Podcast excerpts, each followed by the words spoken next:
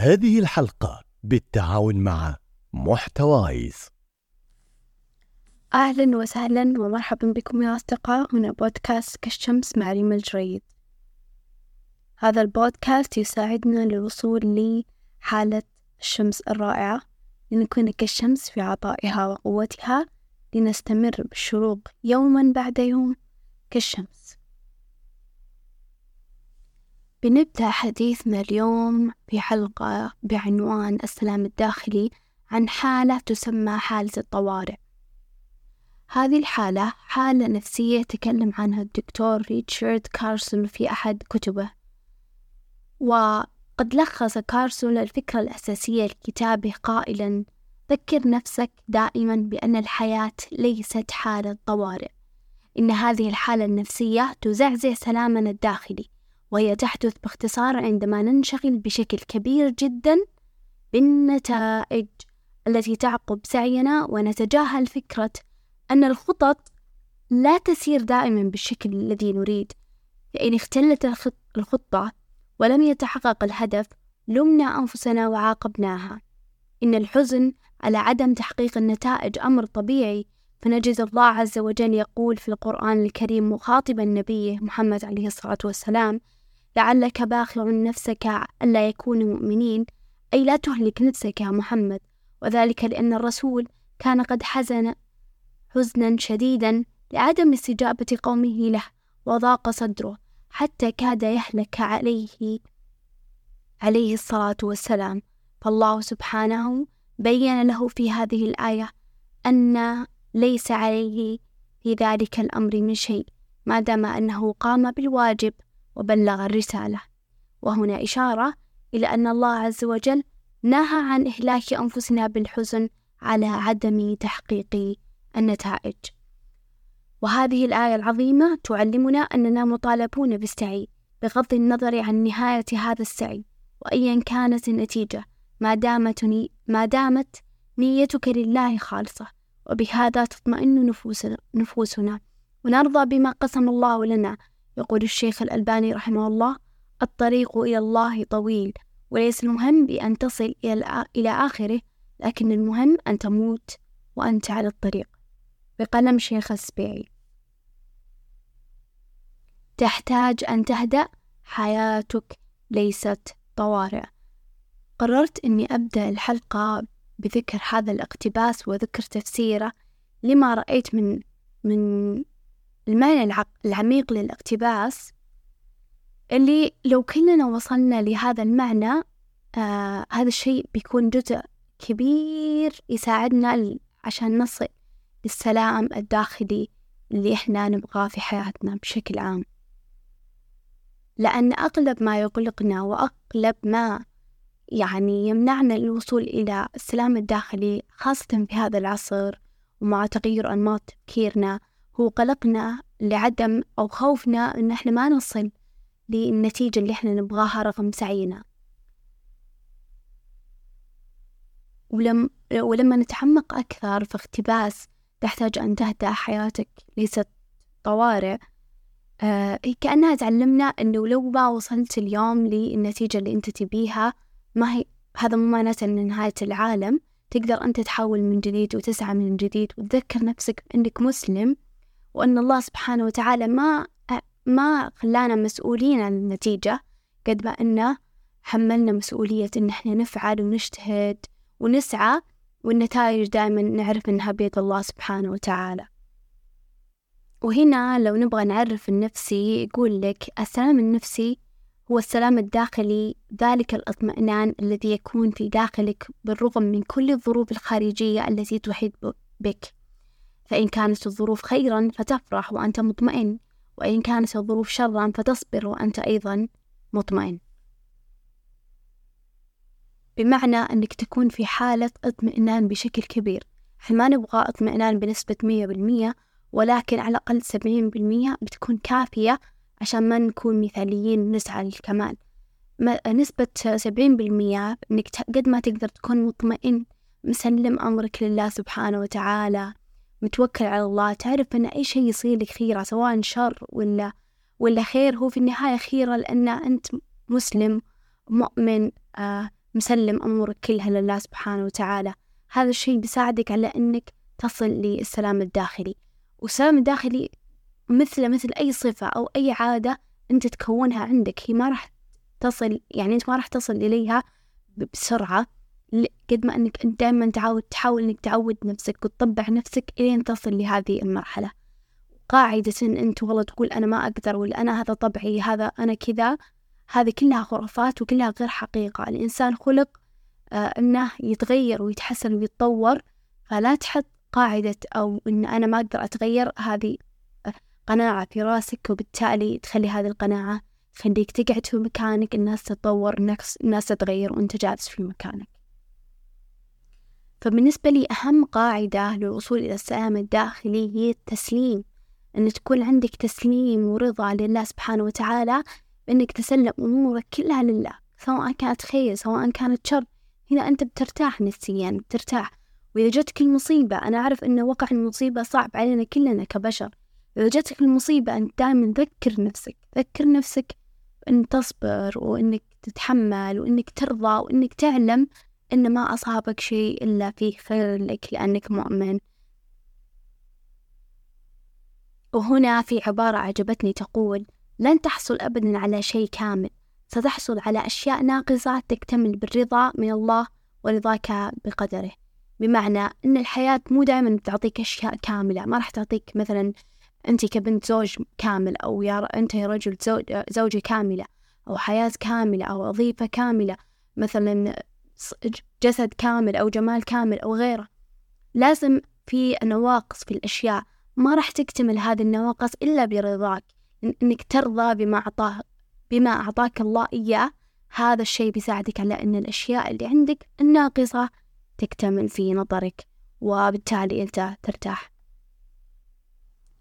ومن هنا سأقرأ لكم آه، أربعة مفاتيح تساعدك الوصول إلى السلام النفسي. أولا التفاؤل بمعنى أن تنظر للمستقبل بنظرة إيجابية وتعلم أن القادم أفضل بإذن الله. ثانيا التوكل بأن تفوض أمرك لله بمعنى أن تعمل وتعلم أن النتائج بيد الله سبحانه وتعالى. ثالثا التسليم بأن تقول دائما قدر الله وما شاء فعل على أي شيء يصيبك وأن تسلم لله سبحانه وتعالى وتعلم أن ما أصابك دائما خير. رابعا الرضا آه، بما يكتبه الله لك وتعلم أنه الخير دائما. فهذه الأربع مفاتيح تساعدك بإذن الله أن تصل للسلام الداخلي. أما بالنسبة للمفاتيح التي تساعدك الوصول إلى السلام آه، النفسي من نظرة الطب النفسي يقول لك أن يوجد أربعة أشياء تساعدك على الوصول إلى السلام النفسي. أول شيء أن يكون لديك مرونة نفسية بمعنى أنك تتقبل المصائب الحياة مشاكل الحياة وغيرها بمعنى مرونة مرونة ما تزعل بسرعة ما تضايق بسرعة وهكذا.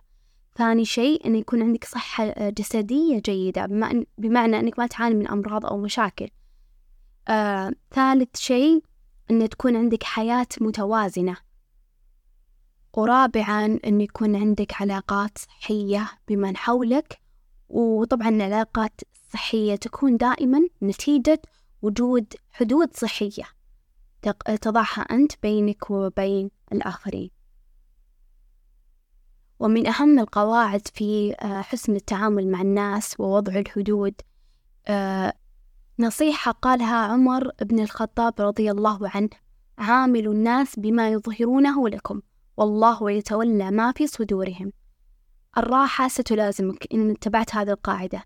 ما تدقق لا تحاول إنك تفسر إن الشيء اللي يسوونه الناس ما تنبش ولا تكترث الظنون ولا تهتم بالتأويل والتحليل المفرط للأحداث لأن الحياة قصيرة. اللي يجيك فيها أكرمة ومن ابتعد عنك ادعي له لأن راحتك أولوية. وبرضو من أهم الأشياء اللي تساعدك على أنك تصل للسلام الذاتي أنك تغير نظرتك لكثير من الأمور. من أهمها نظرتك أو قياسك للنجاح. كثير عندهم قاعدة أن النجاح هو إيش؟ عبارة عن إيش؟ المسمى الوظيفي اللي أنت يعني تحته والراتب اللي أنت تأخذه. وهذه طريقة خاطئة لقياس النجاح. تقدر أنت تغير نظرتك أو طريقة قياسك للنجاح بإنك تقول أنا والله بهتم بالمسمى الوظيفي صح؟ بس برضو بهتم بال... للراتب وبهتم لوقت الفراغ اللي يكون عندي. بهتم للشيء اللي حبي للشيء اللي أنا قاعد أسويه. بهتم لصحتي النفسية وصحتي الجسدية. كل هذه الأشياء إذا توفرت عندك تقدر تقول إنك مثلا ناجح. بمعنى إنه والله لو كان راتبك جدا عالي مسماك الوظيفي مرة كويس لكن صحتك النفسية ما هي كويسة صحتك الجسدية قاعد تعاني ما, تح... ما تحصل على نوم كافي هنا بيكون في مشكلة.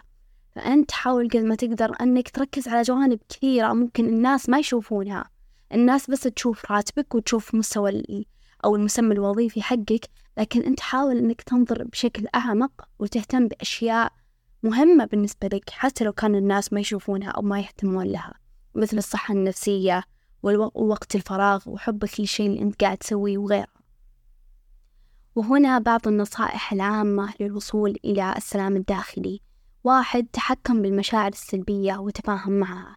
لما تجيك مشاعر سلبية تقبل وجودها. حاول إنك تفهم ليش ليش أنا حسيت بهذه المشاعر. ليش أنا مثلا اليوم اليوم أنا في الشغل لما حد كلمني زعلت على طول. ليش أنا تضايقت بسرعة. حاول إنك تصل لمرحلة إنك تفهم مشاعرك بالتالي تقدر تتعامل معاها. ما في مشكلة. في نهاية اليوم قضي وقت وفكر بالأشياء اللي صارت لك. إذا ما تقدر نهاية اليوم ممكن بداية اليوم ممكن وأنت في السيارة رايح للدوام أو راجع ممكن نهاية الأسبوع المهم إنك تجي تلقى وقت إنك تحاول إنك تفهم مشاعرك اللي أنت تمر فيها. ثاني شيء تحاول إنك قد ما تقدر تتح... تتعامل مع الحياة ببساطة أكبر. يعني تعرف إن إحنا في الحياة هذه مجرد عابرين. تحاول قد ما تقدر إنك تركز تركز على أهدافك الأساسية اللي خلقت لأجلها اللي هي العبادة وغيرها.